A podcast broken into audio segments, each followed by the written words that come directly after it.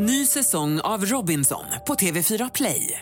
Hetta, storm, hunger. Det har hela tiden varit en kamp.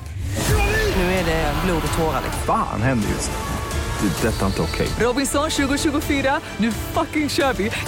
Streama söndag på TV4 Play. Podplay. Hej kära lyssnare! Innan jag säger någonting annat så stort tack för all feedback och återkoppling kring det senaste avsnittet när jag pratade lite om poddens framtid och poddens vara eller inte vara. Tack för det, det värmde. Tack för bra pepp. Eh, podden kommer att fortsätta, så är det. Nu har jag givetvis en ny gäst den här veckan som heter Cecilia och ingenting annat än Cecilia heter hon. Jag började nämligen med att eh, välkomna henne med fel namn, vilket var oerhört pinsamt. Men hon heter Cecilia. Ja, hon kommer berätta om att hon hade en tydlig målbild, men ibland kan målbilder ändras lite efter vad folk tycker man är bra på och så vidare. Men du ska få höra Cecilias historia alldeles, alldeles strax. Vi pratar också vidare i ett Patreon-avsnitt som blev mycket, mycket bra. Är du inte Patreon så blir det på patreon.com slash snutsnack. Annars finns vi på sociala medier. Du hittar oss under snutsnack. Ja, ta det försiktigt där ute nu och så hoppas jag att du får en riktigt trevlig lyssning. 1310 1070 kom. 1310 Odengatan kom. Ja, det är uppfattat. Vi tar det. Slut. Bra. Klart slut. Ingen annan än Cecilia. Jättekul att du är här och du har ju blivit eh, nergolad av en, en annan gäst. Exakt, så är det. Av en trafikpolisgäst. Mm, det stämmer bra. Hon var med här för ett tag sedan. Ja, jättekul, jättekul. Och jag tror väl att jag har hört av mig till dig innan va? Ja, men det har du. Och jag har faktiskt avböjt Mm, vi. andra som har hört av sig till dig och Mm. tipsat. Men, eh, nej, men nu testar vi. Ja, vi testar. Vi. Jag Ja. testar. Vi har ju pratat lite här innan om både det ena och det andra innan vi slog på räck här. Och eh, jag inser ju redan att det här kommer bli riktigt bra. Det hoppas vi. Ja. Men i början av 2000-talet gick du på eh, polisutbildningen. Ja, det stämmer. Mm. Hur kom det sig? Ehm, Jag bestämde mig väldigt tidigt för att jag skulle bli polis. Du gjorde det? Ja, jag var i sjuårsåldern. Sjuårsåldern? Jajamän. Då visste jag att nej, men det är polis jag ska bli. Och Var, igen- var kom det ifrån?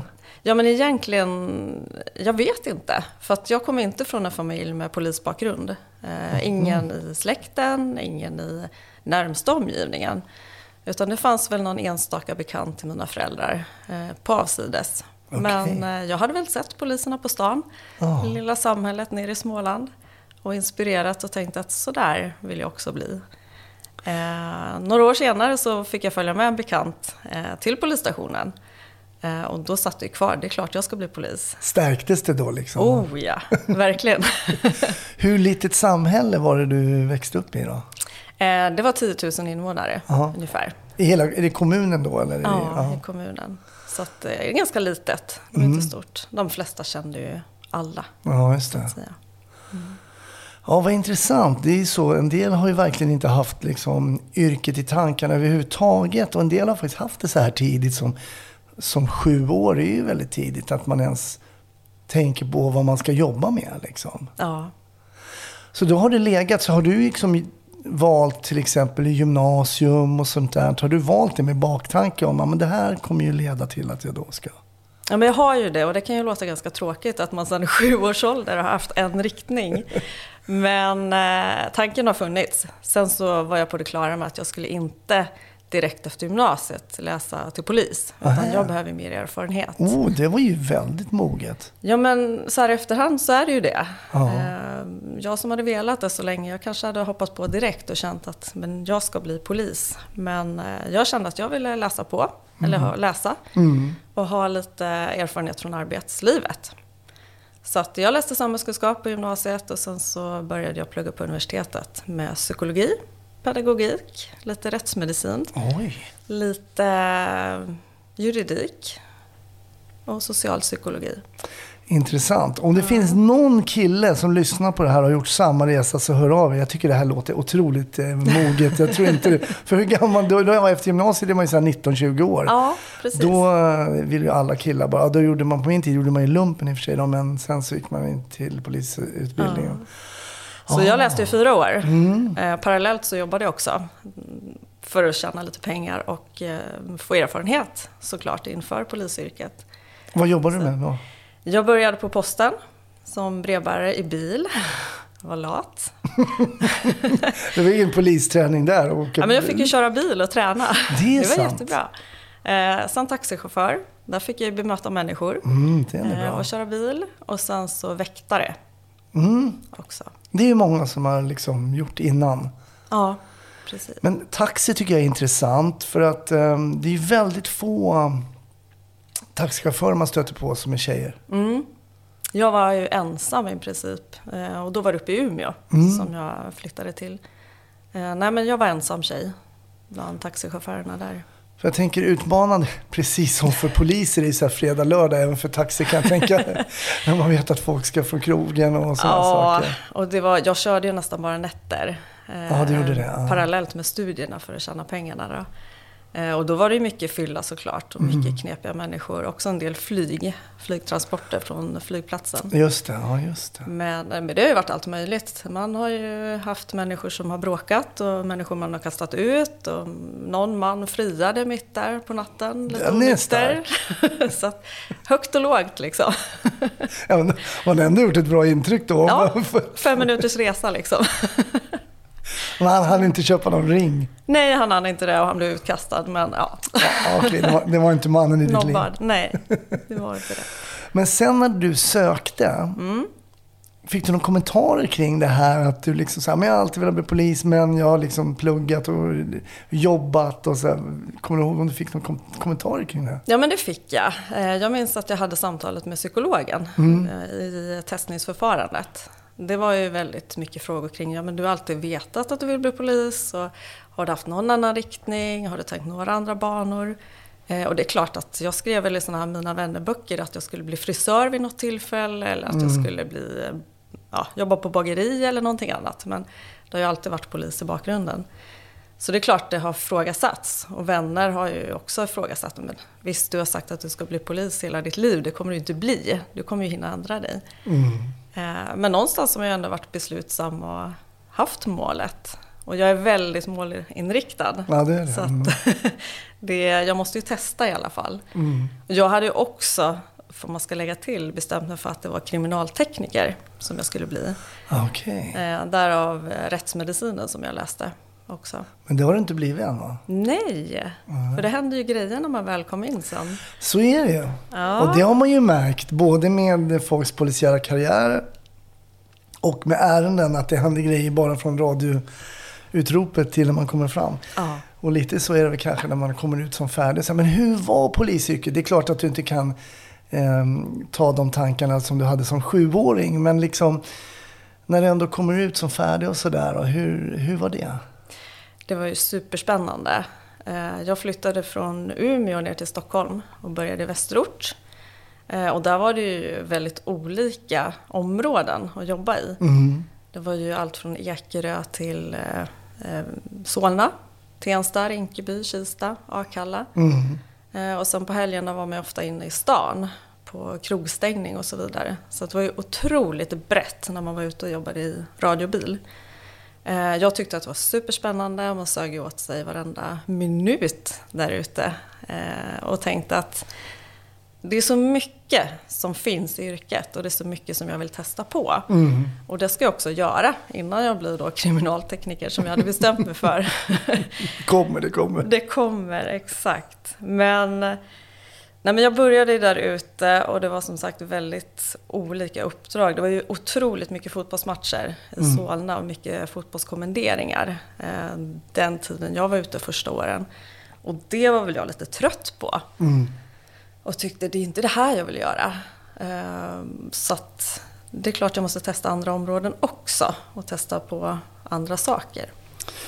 Men ofta så, det var väl så du började också, så börjar man på IGV, det som kallas för ordningen för um, Men den biten av polisyrket då, liksom det här klassiska, man, det man ser på stan, liksom två poliser i en polisbil sådär. Hur, hur passade det dig tycker du? Jo men det passade mig bra. Eh, absolut. Jag tycker det är jätte jättekul att åka liksom, i radiobil och ha kollegor. Man blir varann ganska nära när man sitter i den här bilen i turlag. Man varierar ju såklart mellan individerna. Eh, och man lär känna varandra och man vet vad man har varandra när man kommer fram till en brottsplats eller ett ärende som sker. Eh, jag tyckte det var jättekul. Och ja, men trivdes där ute. Mm. Men sen så kände jag väl någonstans också att jag vill testa på andra saker. Och jag vet inte riktigt vad det är jag vill. Ah, var det så? Du kände att du ville testa, men, du hade in... men det här kriminalteknikgrejen då? Låg den... Ja, men det låg ju där bakom. Mm. Och det ligger fortfarande någonstans långt här bak i huvudet nu. inte riktigt alls i mitten, utan långt bak. Någon, någon gång ska jag testa. Mm. Eh, nej, men jag kände att jag vill in och utreda. Eh, jag vill testa på den delen också. Eh, och se det som händer efter, så att säga. Mm. Så att jag gick in på krim efter ett par år eh, och trivdes ju superbra där såklart. Eh, jättebra kollegor, jätteintressanta ärenden. Och jag och en kollega som också var ganska ny då, ett par år ute liksom. Vi hamnade tillsammans att utreda ett mord. Oj. Och det är lite ovanligt när man är så ung i tjänst, Mm. att man får det. Och det skapade väl lite grunden till vad jag har gjort sen resten av min karriär fram till idag. Jag fastnade ju för det där med grova brott och tyckte att det här var ju superintressant. Det vill jag göra mer av. Ja. Ja, det är intressant. Och då, det är ju en tillfällighet då att du får det caset, antar jag. Eh, Ja. Och det väcker en, liksom, en ny tanke kanske. Att du omedvetet eller medvetet puttar undan kanske kriminaltekniken lite grann och fokuserar på någonting annat. Ja, precis. Ja, men möten med nya, med nya människor och med nya arbetsuppgifter väcker ju nya tankar givetvis. Ny säsong av Robinson på TV4 Play. Hetta, storm, hunger. Det har hela tiden varit en kamp. Nu är det blod och tårar. liksom. Fan händer just nu. Det. är Detta är inte okej. Robinson 2024, nu fucking kör vi! Streama söndag på TV4 Play. Poddtips från Podplay. I fallen jag aldrig glömmer djupdyker Hasse Aro i arbetet bakom några av Sveriges mest uppseendeväckande brottsutredningar. Går vi in med hemlig telefonavlyssning och, och då upplever vi att vi får en total förändring av hans beteende. Vad är det som händer nu? Vem är det som läcker? Och så säger han att jag är kriminell, jag har varit kriminell i hela mitt liv men att mörda ett barn, där går min gräns. Nya säsongen av Fallen jag aldrig glömmer på Podplay. Men hur, hur kände du då? Ville du vara kvar där du var eller ville du söka dig till någonting där det bara fanns grov brottslighet? Eller hur, hur tänkte du då? Nej, men jag kände där att det är grov brottslighet som jag vill jobba med.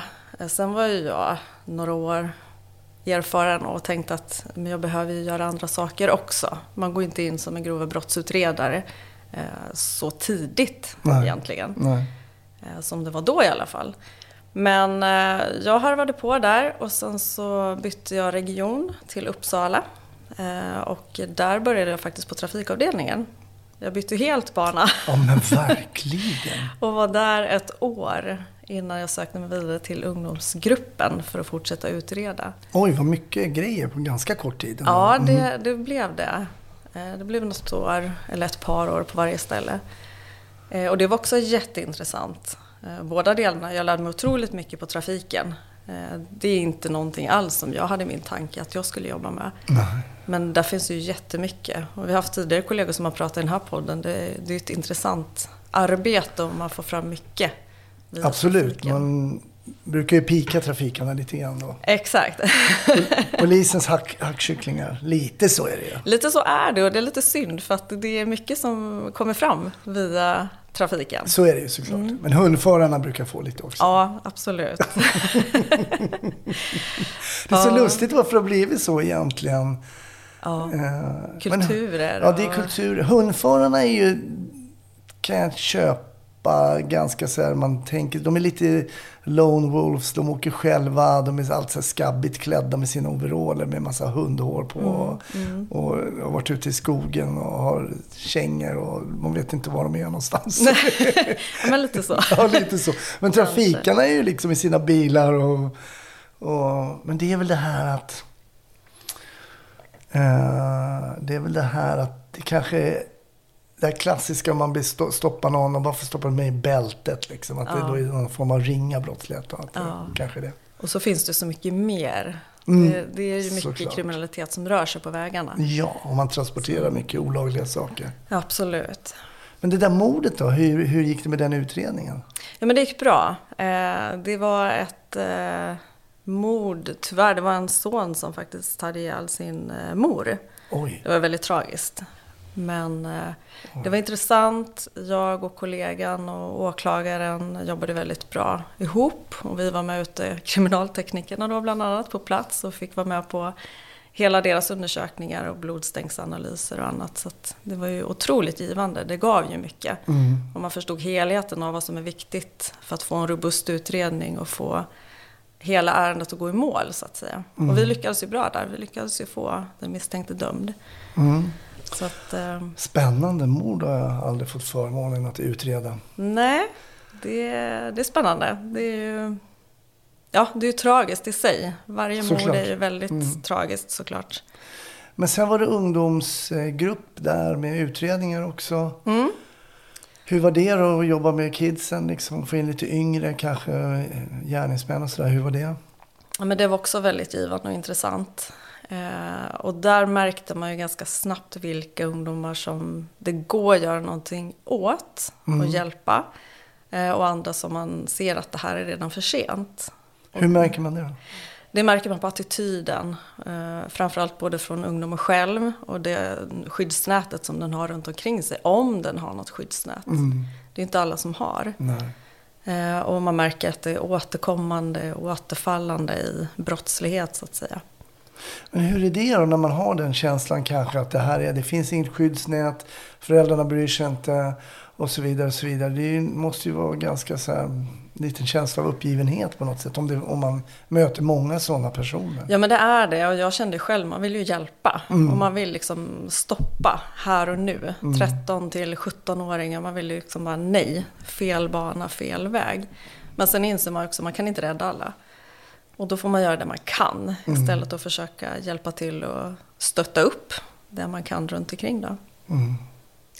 Ja, för det är intressant du säger det där just gällande skyddsnät. och När individen inte har något att falla tillbaks på eller inte har någon förälder. Så här, men då flyttar vi härifrån om du håller på på det här sättet. Liksom. Ja. Utan det, det är ju lite frustrerande att det finns sådana ungdomar som växer upp så och har det så. Ja, Och man jämför också med det område som du nämnde. Om man växer upp i en kommun där det finns 10 000 personer. Där man kanske möts på ICA eller Konsum eller vad det nu är med varandra. Så har man lite koll på varandra också. Det finns liksom en social liksom, kontroll som man tappar bort i ett stort kanske utanförskapsområde. Då, om man Ja. tar det som ett exempel. Ja. Liksom. Nej men så är det.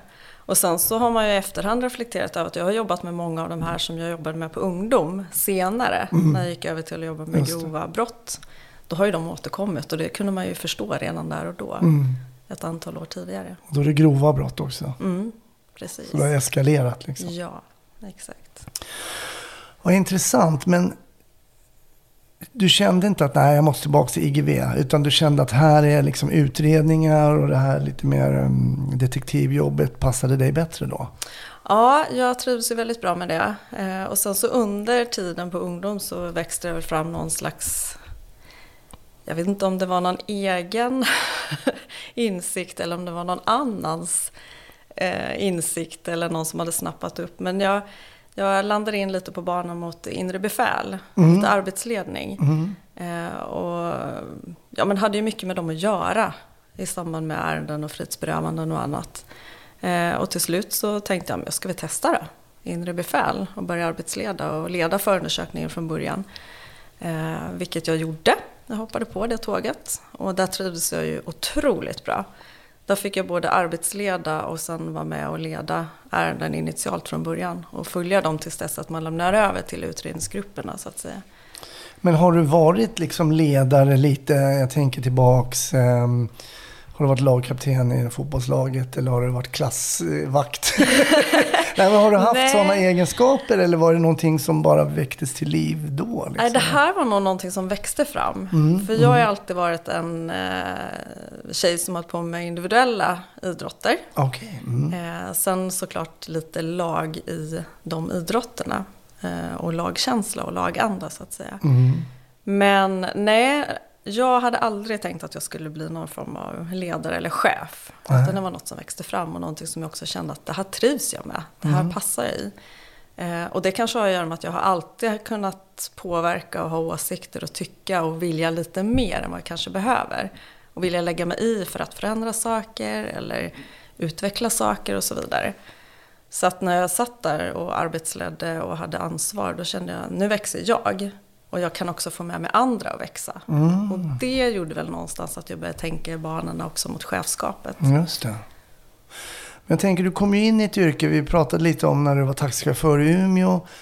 Eh, enda tjejen där. Du kommer också in i ett yrke där det är betydligt färre tjejer än killar. Hur var det då, att komma in som, eh, som ung tjej också i ett yrke som där de flesta är män?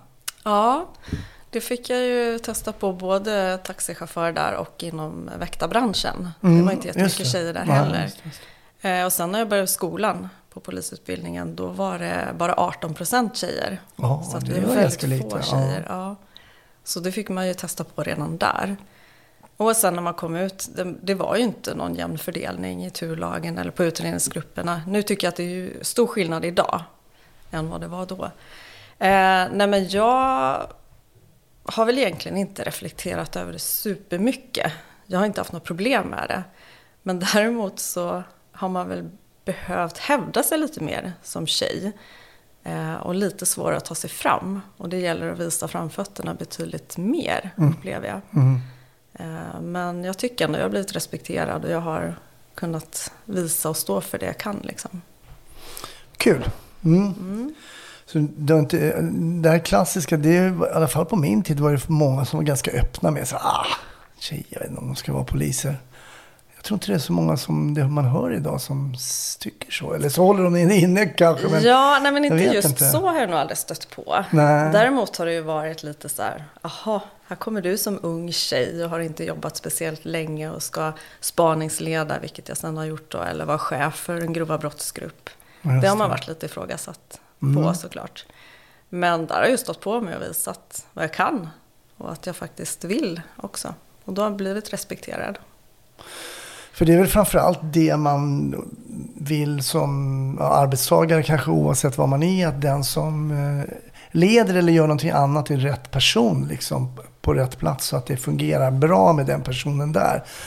Sen har man ju varit väldigt ointresserad av, eller det kan vi säga jag, inte man då, men om det är en tjej eller kille. Liksom. Mm. Man vill att det ska funka och att man funkar tillsammans. Sådär. Ja, och jag tror ju personligen att kombinationen är den bästa. Det ska inte vara åt ena eller andra hållet och det ska vara individen och kompetensen bakom, inte själva könet heller. Nej, självklart. Men var är vi i tid nu ungefär?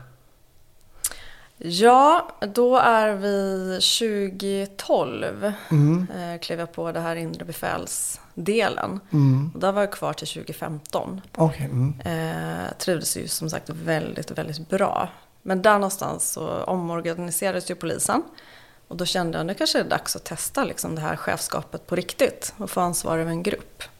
Så då sökte jag dåvarande gruppchefstjänster som kom ut eh, och var gruppchef under, vad blir det då, 2015 till 2019.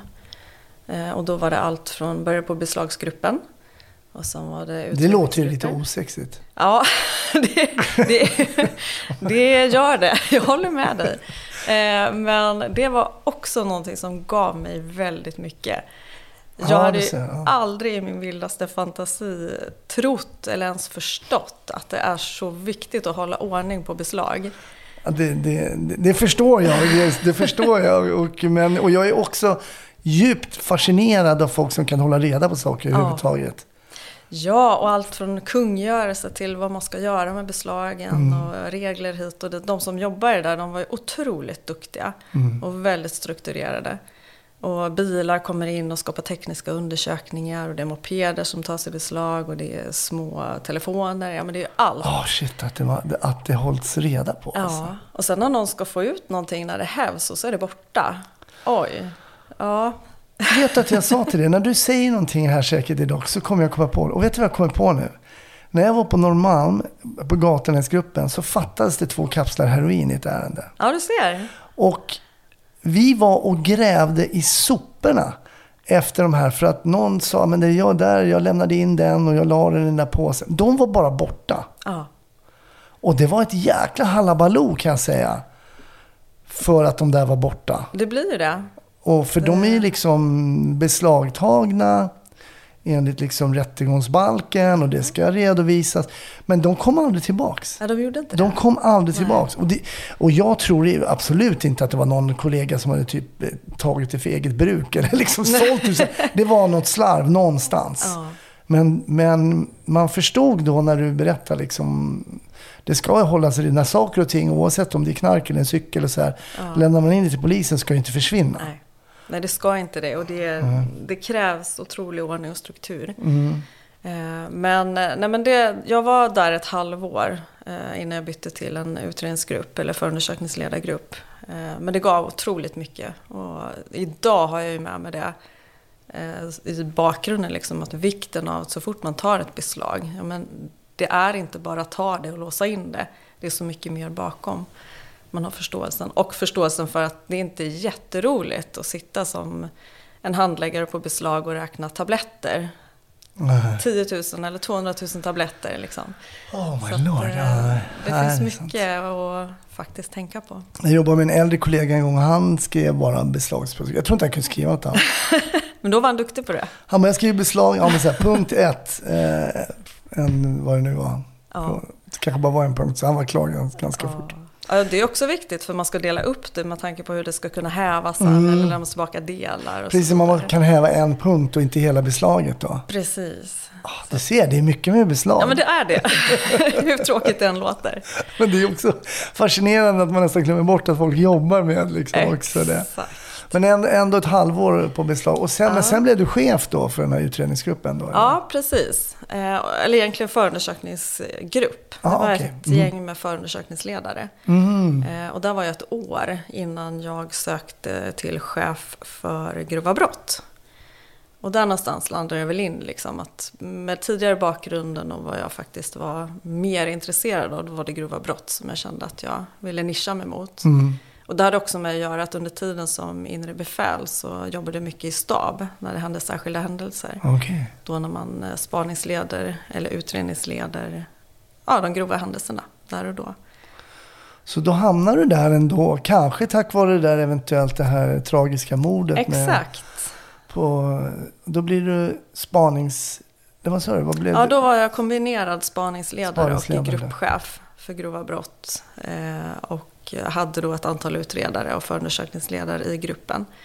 Men när man säger grova brott, jag tänker på de som lyssnar nu som inte jobbar som Mm. polis eller inte alls jobbar med brott överhuvudtaget. Var går liksom, vad är grova brott? Vad, vad är grova brott och vad är då det som inte är grova brott så att säga? Ja, det är ju... Ja, men framförallt när jag kom in i den här branschen, tyvärr ska jag säga, då jobbade vi bara med mord. Okej. För att det var så otroligt mycket mord och skjutningar i Uppsala. Mm. Men det är ju inte bara mord som det innehåller egentligen. Det kan ju vara allt från en grov misshandel till andra grova brott. Eh, Men det är mycket våldsbrott. Det Mm. är det ju. Vapen och narkotika. Bedrägerier går ju sitt spår på utredningar liksom i en egen fas och sådär. Det, det är ju så mycket inriktningar idag. Relationsbrott går till relation och det går inte till grova brott. Ah, även om det okej. är grovt liksom. Mm, jag fattar. Så att det är lite svårt att dra gränsdragningen, det beror på var man jobbar också. Och Uppsala är ju tyvärr tillbaka lite till det. är mycket skjutningar och mycket grova brott som sker. Ja. Men det är inte lika mycket mord som det var 2017 till 2019 när Nu är vi sämre på att skjuta. Ja, eller ja. Exakt. Det är mycket skjutningar, mycket vapen. Ja. Men ja. Märker du skillnad från när du började och kom ut så liksom på IGV? Bara under den kan man väl i alla fall kalla för ett, ett kort tidsspann när det kommer till skjutningar till exempel och sånt där? Ja, när jag började då i Stockholm, det var ju inte alls tal om eh, skjutningar på det här sättet som det är idag. Det är en jättestor skillnad. Och det ser vi ju egentligen hela Sverige, utvecklingen. Mm. Det har ju eskalerat och det är ju ett stort problem idag. Helt otroligt alltså. Ja, och det är ju tragiskt att det har gått i den riktningen. Och där måste vi hitta och finna en väg att vi ska bemöta det här och faktiskt kliva över den här jobbiga pucken som vi har nu. Mm. Att vi ska Och framförallt, när man, jag hade ju Diamant Salihu eh, som gäst. Mm. Hon har skrivit den boken Tills alla dör. Ja. Som handlar om de här skjutningarna i Rinkeby. Eh, när man, och också varför man skjuter varandra. Alltså det är ju oftast ganska triviala saker som leder till att man ska skjuta, ha ihjäl en annan människa. Det är liksom nästan respekten för människoliv känns också som att det har ändrats på något sätt. Ja, men det finns ju inte riktigt där idag. Eh, Man har inte respekten och ett människoliv är så lite värt. Och det kan vara allt från en kränkning som Ja. är bakom eller en skuld. Eller någonting annat än hämnd. Eller man är lejd helt enkelt. Ja. Men det är också något som jag kände påverkar just, jag vet en skjutning som var, det blev inte en dödsskjutning tack och lov, men det var en skjutning mot två personer eh, för några år sedan i Uppsala. Och den här skjutningen sker precis i hörnet av en gata där en förskola ligger. Ja. Så samtidigt som den här skjutningen sker, flera skott, så är ju massa barn ute och leker på förskolan tre meter därifrån. Mm. Och där känner man också, vad, vad är respekten där till att ett barn träffas eller till att någon skjuter in i ett fönster? Och jag upplever inte att det var så mitten av 2000-talet. Nej. När jag började liksom tills nu, de senaste åren. Och det har ju tyvärr hänt, hette hon Adriana eller något liknande? Hon som faktiskt blev skjuten Ja. till döds av Just misstag då, en förlupen kula liksom som dödade en helt oskyldig tjej som var ute med sin hund. Precis, den här 12-åringen. Ja, precis. Nej, det, är, mm, det där är inte helt bra. Nej, men det är bra att vi har bra folk då på grova brott i alla fall i Uppsala. Det har vi. Ja. De är superduktiga och de har verkligen fått träna på att utreda eh, grova brott. Men är det där du är nu eller? Nej, jag var kvar där till 2019. Mm. Men där bytte jag till en annan grova brottsgrupp kan man säga. Och då är det grov organiserad brottslighet med utredning och spaning som jag är chef för.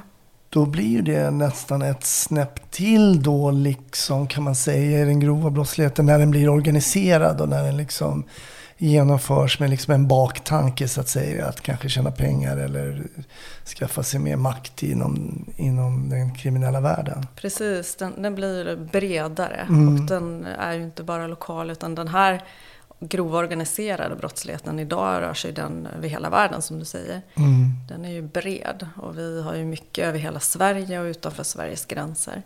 Och mycket samverkan med andra myndigheter också för att få, få bukt med det här så att säga. Kanske någonting man inte heller tänkte på för många, många år sedan. Man tänkte på Escobar, kanske i Colombia, att de organiserade sig och hade så här karteller med vapen som skyddade sin verksamhet. Men där är vi på något sätt, i, såklart i en mindre skala i Sverige, men ändå. Liksom. Ja, ja, Det är helt makalöst. precis. Ny säsong av Robinson på TV4 Play. Hetta, storm, hunger. Det har hela tiden varit en kamp. Nu är det blod och tårar. liksom. Fan händer just nu. Det. är Detta är inte okej. Robinson 2024, nu fucking kör vi! Streama söndag på TV4 Play. Ett poddtips från Podplay. I podden Något Kaiko garanterar östgötarna Brutti och jag, Davva, dig en stor dos skratt. Där följer jag pladask för köttätandet igen. Man är lite som en jävla vampyr. Man har fått lite blodsmak och då måste man ha mer. Udda spaningar, fängslande anekdoter och en och annan arg rant. Jag måste ha mitt kaffe på morgonen för annars är jag ingen trevlig människa. Då är du ingen trevlig människa, punkt. Något Kaiko, hör du på Podplay. Därför är gardinerna. Om, man titt, om du tittar tillbaks ehm, på alla de här åren som du har jobbat som polis. Och jag frågade dig lite innan sådär eh, om ett minne som sticker ut. Liksom, för du har säkerligen som alla andra poliser varit med om oerhört massa händelser. Men vad har du för minne som poppar upp hos dig när man ställer den frågan? Ja, det är ju mycket som poppar upp. Det är Mhm. mycket som har hänt och det är mycket som påverkar. Och det är ju stort som smått och allting varje dag egentligen påverkar i någon grad åt något håll. Mm. Men det finns ett ärende, nu minns inte jag exakt vilket år det här var. Men någonstans 2014, 2015, Mm. eh, de faggorna. Då är det en händelse som sker att det har skett ett grovt våldsbrott inne i centrala Uppsala. Man ska mm, hitta den här gärningsmannen. Jag sitter som dåvarande inre befäl och leder den här insatsen. Hitta gärningsmannen, det är liksom prio ett. Och en jaktfas inleds, patruller skickas ut kors Vad har man att gå på här då? Man har en adress, man har ett namn på en misstänkt person. Man vet inte var personen befinner sig. Han ska ha befunnit sig på en viss plats då, vid det här tillfället för brottet. Det är väl egentligen de ingångsvärdena som man har. Mm. Så man skickar patruller till olika håll och jag leder liksom patruller åt... Och du är liksom spaningsledare Ja, men jag sitter här? som förundersökningsledare initialt då, som inre befäl och, och fattar de här besluten tillsammans med polisinsatschefen ute. Vad tänker man på då i sånt här? Vad, vad, vad är det du måste hålla i huvudet? Massa saker. det är allt från att säkra brottsplatsen till att skicka patruller till rätt ställe, till att eh, säkra bevis, till att svara i telefon, hantera media som ringer parallellt, eh, hantera stressade patruller eller någon utredare som kommer i något helt annat ärende och vill dra det precis när allting sker. Mm, jag fattar. Så det är otroligt mycket som händer. Eh, och jag minns att jag ska ju få ut kriminaltekniker också till brottsplatsen. Och har dem inne hos mig, pratar, redogör ärendet och ska skicka ut dem. Och de åker ut och sådär. Eh, och det är otroligt mycket på en gång som sker. Och eh, man har väl fått lite Ja, jag tror, jag minns inte i detalj, men man har fått några uppslag från allmänheten, för man har gått ut i media också, att den här personen befinner sig på ett ställe. Så man skickar patruller dit och lyssnar på radion och följer med, ger direktiv om vad som ska göras. Eh, och samtidigt så får man då ett överfallslarm från kriminaltekniker. Oj. Och då visar det sig att kriminaltekniker som åkt ut till brottsplatsen, en av dem har ju blivit överfallen av troligen den misstänkte gärningsmannen som vi söker. Okej. Han har ju befunnit sig vid den här platsen utan att de då har noterat det här och ligger i bakhåll och misshandlar då den här ena kriminalteknikern. Och då står vi helt plötsligt där med en skadad kollega mitt i allt och fortfarande en flyende gärningsman. och Okej. patruller över hela stan. Så att det här fortsätter ju. Och då blir det också det här att ta kontakt med kriminalteknikens chef för att hantera den delen och krishantering i och med det. Eh, Och sen ganska kort därefter så anträffas en misstänkt gärningsman på en cykel av en patrull. Och de ska ju försöka då ja, stoppa den här personen. Vilket man gör, men det blir någon slags konfrontation varvid då den ena polisen i den patrullen, han blir faktiskt knivhuggen Oj. eh, i ena axeln. Och den andra polisen, den skjuter mot den här personen. Då. Så att det är otroligt mycket som händer. Och här sitter man inne och kan inte göra någonting mer än att fatta direktiv, fatta beslut. Hur, hur, för jag blir stressad bara jag hör det här när allting som du berättade du måste, man måste ha i huvudet och de, Ja. alla de här bollarna i luften samtidigt. Men hur mår du i den här arbetssituationen? Är det liksom, känner du så här nu går jag in i mig själv och kan liksom, no, skriver du på post-it-lappar eller hur hanterar du det här? Hur kan du hålla allting det här i huvudet? Ja, det ju, låter ju kanske jättekonstigt att säga, men jag stortrivs ju i den situationen. Där känner jag att jag kommer till min rätta. Jag, jag har en ganska hög stressnivå, Mm. eller jag tål ganska mycket stress. Eh, men jag jobbar väldigt bra och strukturerat när jag ligger under en viss press. Nu tyckte jag kanske personligen efter ett tag att det börjar bli lite många bollar och just när man har skadade och Det skjutna. finns väl en gräns av bo- antal bollar för alla? Ja, men det antar gör ju det. men, nej, men jag stortrivs. Jag tycker ju det här är superroligt att få liksom vara spinnen i nätet och reda ut allting. Mm. Och med den strukturen som jag egentligen har i botten, jag kanske är överstrukturerad i vissa fall, men jag noterar och jag är strukturerad, sätter lappar precis som du säger eh, och får dem liksom i ordning. Wow. Eh, och tycker att jag har en god inblick. Och det jag inte liksom mäktar med, det försöker jag delegera bort. Ja, men det här kan faktiskt någon annan bredvid mig få ta. Också Eh, viktigt som chef ju att, inte, att, att, att måste, man måste göra så. Ja. Man måste det. Och ibland kan man känna själv att man vill ta det själv för att man har koll. Men i det här fallet då var det bara att bryta liksom. Men jag har inte koll. Jag menar kriminalteknikern och hans kollega.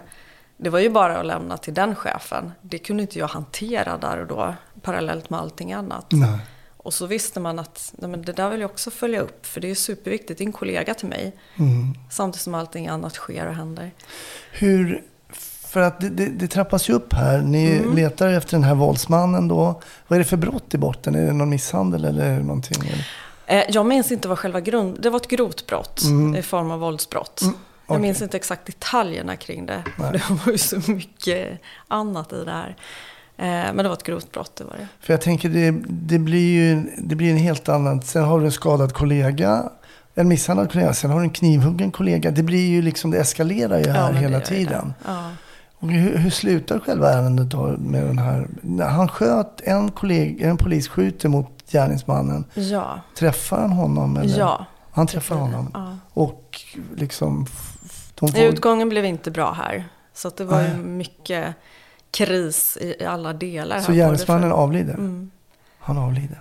Så det blir ju krishantering åt alla håll. Jag förstår. Och det här var ett ganska långt ärende, fast ändå inte. Det börjar liksom på förmiddagen och håller på ett antal timmar på dagen. Eh, innan liksom vi har koll på läget och allting har liksom, okej nu kan vi landa, nu åker vi in och nu följer vi upp. Givetvis så blev det krishantering i det här åt alla håll. För alla som var delaktiga för att det var så komplext ärende. Mm.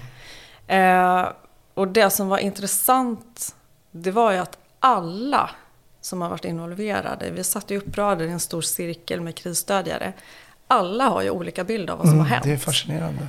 Och det, det är otroligt fascinerande. Jag har en bild som har suttit inne och hört och lett och liksom rått och roddat runt i det här. Mm. En patrull ute har inte alls samma lägesbild som en annan patrull ute. Nej.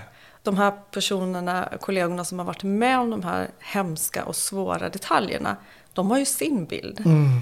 Så det är ju otroligt jättenyttigt att sitta och lyssna på allas historier. För här gick vi också en och en hela tiden. Alla fick berätta sin del och sin känsla i det här. Men nej, det var olika. Det där är oerhört intressant att, ens egen verklighet kan vara så väsensskild. Och det kan ju vara bara man är till exempel i samma patrull och sett en händelse från olika vinklar. Ja. Så liten skillnad kan det ju vara. Och sen är det också det här vad man har med sig i bagaget. Mm. Man kanske blir mer påverkad än någon annan och så kanske man får en bild som associeras till någonting annat som faktiskt kanske inte har hänt heller när Nej. det blir en stressad och pressad situation. Just det. Men den här personen då som sedermera sköts och Mm. avled. Visade det sig vara den personen som också var gärningsmannen också? Så att, Ja, det var det. mm. Så det var ju lyckligt i sig i den historien. Men hela den händelsen var ju tragisk på många, många sätt. Och det är någon händelse som påverkade mig på så vis att jag hann ju inte reflektera där då vad som faktiskt hände. Nej. I och med att det var så mycket på en gång. Men efteråt, liksom vikten av att ha koll på läget, vikten av vad ens kollegor betyder, vikten av vad som är viktigt att tänka på initialt. Det var ju en lärdom för mig. Mm. Ja, men, ja, jag skickade en kriminalteknikerpatrull till platsen. Ja, men vi skulle ju haft någon som säkrade platsen. Alltså sådana här saker som man tänker till efteråt. Mm. Att man inte lämnar någon i sticket liksom. Men kriminaltekniker är ju också poliser. Ja, i de flesta fall. Det finns de flesta, civila okej. Det finns civila kriminaltekniker nu också. Också som åker ut så? Ja, Mm. det gör det. De Men- åker ju inte själva Nej, själva. var det jag tänkte. Nej, Ja, utan de bildar ju patruller eller har någon patrull med sig. Men det är klart, jag menar blir man ambushed liksom ehm, och någon väntar på en, då kanske det inte spelar så stor roll egentligen. Nej, Vad, det... det där överraskningsmomentet funkar ju även mot en polis. Ja, absolut. Så är det ju. Man kan inte vara beredd på allting hela tiden. Nej. Men det viktiga är väl att ha en mental förberedelse för vad man kan Mm. utsättas för, vad man kan vara med om. Mm. För du sa att det gick inte så bra och det, så är det ju givetvis när poliser öppnar verkanseld att målet är ju inte att ha ihjäl folk. Eh, utan det är ju så att säga för att oskadliggöra tillfället, tillfället att kunna gripa och, och sådär. Men med allt som händer, många tankar i huvudet samtidigt, adrenalinpåslag och skadad kollega och knivar och allting så. Ja.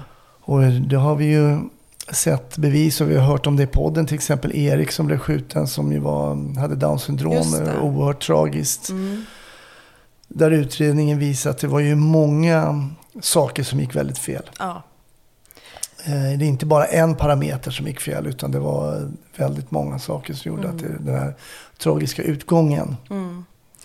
Och det är väl det som är viktigt också, att vi måste våga och vi måste granska oss själva i sådana här olika händelser när det sker. Mm. För att lära oss och för att se vad, vad har vi gjort rätt och vad kan vi göra bättre eller vad har gått fel och vad, Mm. vad ska vi då förändra. Just det. Så det är otroligt viktigt. Men det som glädjer mig i- mitt i det här och liksom tragiskt att en person avlider givetvis. Men, men det är ju att det sitter en person som, eh, som liksom njuter, men, men alltså trivs väldigt bra med sin arbetsuppgift. Och det tror jag är att, det är så himla intressant det här att liksom mejsla sig fram till, som det verkar ha varit lite för dig kanske, som det var i alla fall lite för mig också, att man mejslar sig fram till lite så här, men vänta, jag verkar vara ganska bra på det här. Ja. Kanske ska göra det här. Och Jag har inte tänkt på det, men nu säger de att jag är bra på det. Ja, men jag kanske är bra på att leda folk. Och jag tycker att det är roligt. Ja. För när man, i, i, när man är sju år och inte ens när man går på polisutbildningen så vet man riktigt vad man är bra på som polis. För att man har inte prövat Nej. sig själv som polis, hur min personlighet funkar i de här olika delarna av polisyrket. Jag tyckte att jag funkade jättebra ute på gatan, liksom som så här på gatan spanar med snabba ärenden, hitta och prata med folk, fråga om de vet något mer. Det passade mig jättebra. Ja. Eh, sen jobbade jag ju på långspaning. Det dödade ju min poliskarriär. Det var inte alls jag. Utredning är inte alls jag. Nej. Jag klarar inte det. Det är inte bra för mig. Men då måste man, man måste liksom göra som du som hitta det där som är intressant. Men vad händer nu då? Vad tänker du? Framtiden? Framtiden? Ja, du, jag har höga mål. Nej. Ja, men det är bra. Att sitta här. Är välkommen rikspolischefen. Ja, alltså det, i, I grunden är det ju drömmen. Ja, men det är väl ett Men, jätte, jättebra eh, målbild. Ja, visst är det så. Eh, nej men jag ska inte sticka under stol med att jag, jag trivs ju i chefskapet. Jag vill vidareutvecklas där. Nu, nu har jag ju nått ytterligare en nivå som sektionschef. Eh, och trivs ju jättebra där och leda genom chefer. Eh, som då är chefer för grupper inom den sektionen som jag har. Eh, och det är klart att jag vill upp ett steg och vara mer, ännu mer strategisk. Mm. Eh, och sen regionpolischef, det är väl ingenting som, som jag ska sticka under så, men det är väl ett mål. Sen får man ju se därefter. Mm. Men jag har ju många år kvar och jag hinner testa både det ena och det andra. Men just nu, och lite som du är inne på, ja, men jag har ju hittat någonting som jag faktiskt är bra på. Och någonting som jag trivs med Mm. och tycker är superspännande. Jag, jag drivs ju jättemycket av det grova våldet och grova brotten och det här grova organiserade. Det, det kommer jag ju alltid vilja ha med mig i förpackningen på något sätt. Men jag drivs ju också av att utveckla organisationen, utveckla chefer, utveckla individer och gå framåt på så sätt och hitta riktningar. Så att just nu är det chefskapet som jag känner driver mig inom polisen. Vad skulle du säga? Jag vet att jag har många lyssnare som går på polisutbildningen, både tjejer och killar.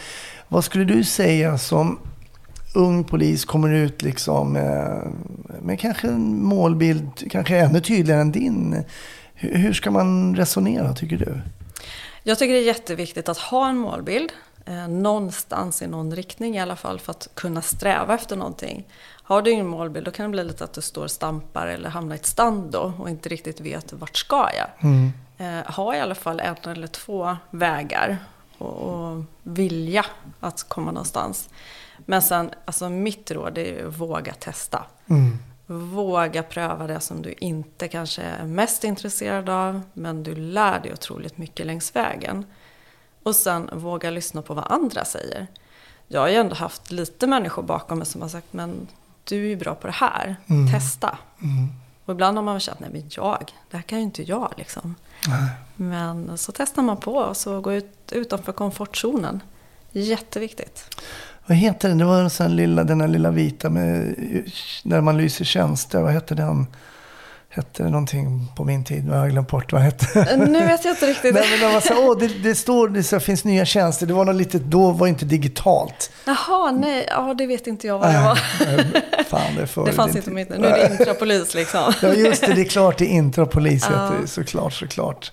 Ja, nej, men jättebra, jättebra. Och också vara lite öppen kring, för att det kan ju faktiskt vara så att du inte är nationella insatsstyrkan. Exakt. Eh, kille eller tjej. Fast det är det du har haft. Du kanske inte, jag fick ju, jag, förlåt alla lyssnare, men det här att jag inte kom in på livvakten. Jag var inte lämpad. Nej. Och det var ibland, det kan ju vara ibland, och jag tror att det är mänskligt, väldigt mänskligt att jämföra sig med andra. Men man tänker, men hon eller han blev ju livvakt. Hur kunde, inte, hur kunde jag inte bli det? Om, Men vi är så otroligt olika och man har blivit så duktiga på att testa folk. Mm. Och säga så men du är jättetrevlig. Mm. Men livvakt blir du inte. Nej.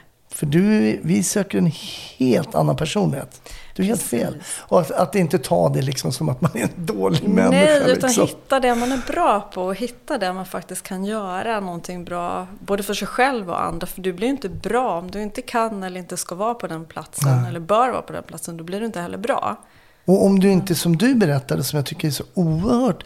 För jag tror att det är en fråga som vi människor generellt ställer för få gånger till oss själva. Det är så här, trivs jag? Ja, den är ju superviktig. Den är superviktig och det spelar ingen roll. Det kan man ju ställa i yrkeslivet eller i förhållande eller träning eller vad det är. Och svarar man nej på den frågan. Ja. Det är bara du som kan ändra det. ja, men det är det. Och du måste vara där du trivs för det blir, allt blir bättre. Framförallt för dig själv men också för din omgivning. Ja, men framförallt för omgivningen också. Men så, Mm. ja, dig själv också. Och trivs du liksom inte på jobbet, då, då fungerar det inte hemma.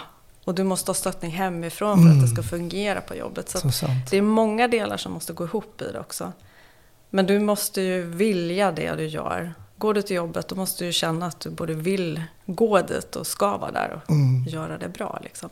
Och, och släpp prestigen. Ja, men om du inte är duktig eller bäst på det du vill som insatsstyrkan eller helikopterpilot eller IGV-are. Men om det inte är något för dig, då finns det så mycket annat. Polisyrket är så otroligt brett så att våga testa och utmana. Mm. Och det märker man också när man kommer ut i alla yrken när man blir vuxen. Så att säga att det finns otroligt många duktiga människor där ute. Ja, men det gör det. Och eh, kanske alltid någon som till och med är snäppet. Och det, de är ganska bra att kika på och lära sig av också. Mm. En dag går de i pension också. Då tar de det.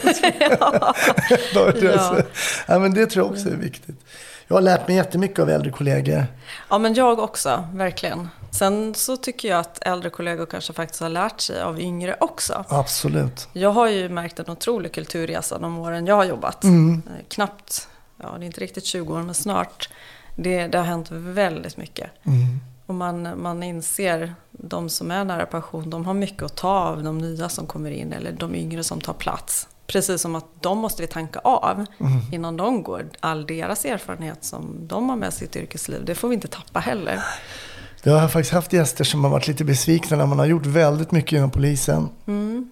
Och kanske lämnar innan pension. Mm. Och de bara, hej då. Nej. Så bara, men vänta, allt som jag har skrivit och allting, alla mina utbildningsprogram, ni är inte intresserade av. Ja.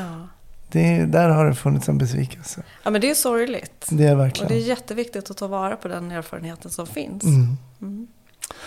Ja, tiden går fort. Ja. Eh, helt otroligt. Men självklart måste jag ju fråga dig, Cecilia, om eh, polisfilmer. Ja, jag måste ju erkänna att jag har ju bänkat mig framför Beck. Så är Ja, det ju. det är så. Ja, och det får man ju tycka och det kan man ju tycka vad man vill om. Men det har ju blivit en grej för mig att jag måste ju se alla avsnitt när de har kommit. Det bara är så. Familjen kanske inte har varit lika roade men jag bara, men jag måste se det här också, den här filmen. Eh, sen har vi väl sett en del polisserier och så såklart. Jag fastnade ju för den här tunna blå linjen som gick här nyligt. Mm. Eh, och egentligen sitter jag där och tänker, varför tittar jag på det? Jag jobbar ju med det här dagarna i ända. Jag är rätt trött på liksom att komma från jobbet, komma hem och fortsätta liksom, den delen. Och sen blir det ju som många med mig, man sitter och stör sig på saker som faktiskt inte är så i verkligheten. Men man har tunnelblålinjen ser jag, det är så otroligt. Men är det någonting du, du har stört dig på där som du känner, ja men det där var faktiskt inte riktigt. Ja men den har ju fångat det mesta. Mm. Det har den gjort. Mm. Den är väldigt välgjord och väldigt ja, detaljerad i och möter verkligheten på ett bra sätt. Det, det måste jag ge den. Men sen finns det ju någon slags säsong två tycker vi, ja, men man ska mata in så mycket händelser. Mm. Så det bara går att det blir nästan klyschigt. Och nu ska jag inte avslöja för den som inte har sett slutet, men Nej. den får verkligen med allt till det som blir jobbigt liksom. Mm. Att, nej, det kunde varit ett annat slut i min mening. Ah, jag fattar, jag fattar. Men, eh, nej, men jag, jag försöker nog hitta en variation i vad jag tittar på. Mm. Men jag ska erkänna att det blir ju lite polisserier där hemma. Det är bra, det är bra. Sen tonårsbarn tycker jag att det är superspännande såklart. Och någon sambo tycker väl också att vissa delar Så är... kan de alltid ställa, ställa följdfrågor till dig. Ja men så är det ju. Och så sitter man där, nej men så är det inte. Ja. Nej varför inte då? Ja, men det är bra. ja. Tack så jättemycket. Tack. Vi ska prata vidare lite i ett Patreon-avsnitt också. Ja. Så då, ni som är Patreons, hörs vi där. Hej så länge. Hej.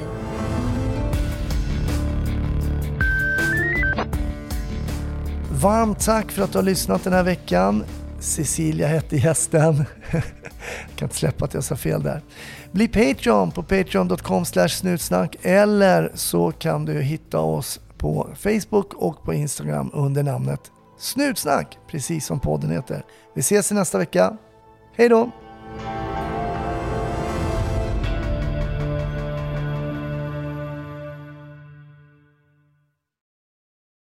Ny säsong av Robinson på TV4 Play. Hetta, storm, hunger. Det har hela tiden varit en kamp. Nu är det blod och tårar. liksom. Fan händer just nu. Det. är Detta är inte okej. Robinson 2024, nu fucking kör vi! Streama söndag på TV4 Play.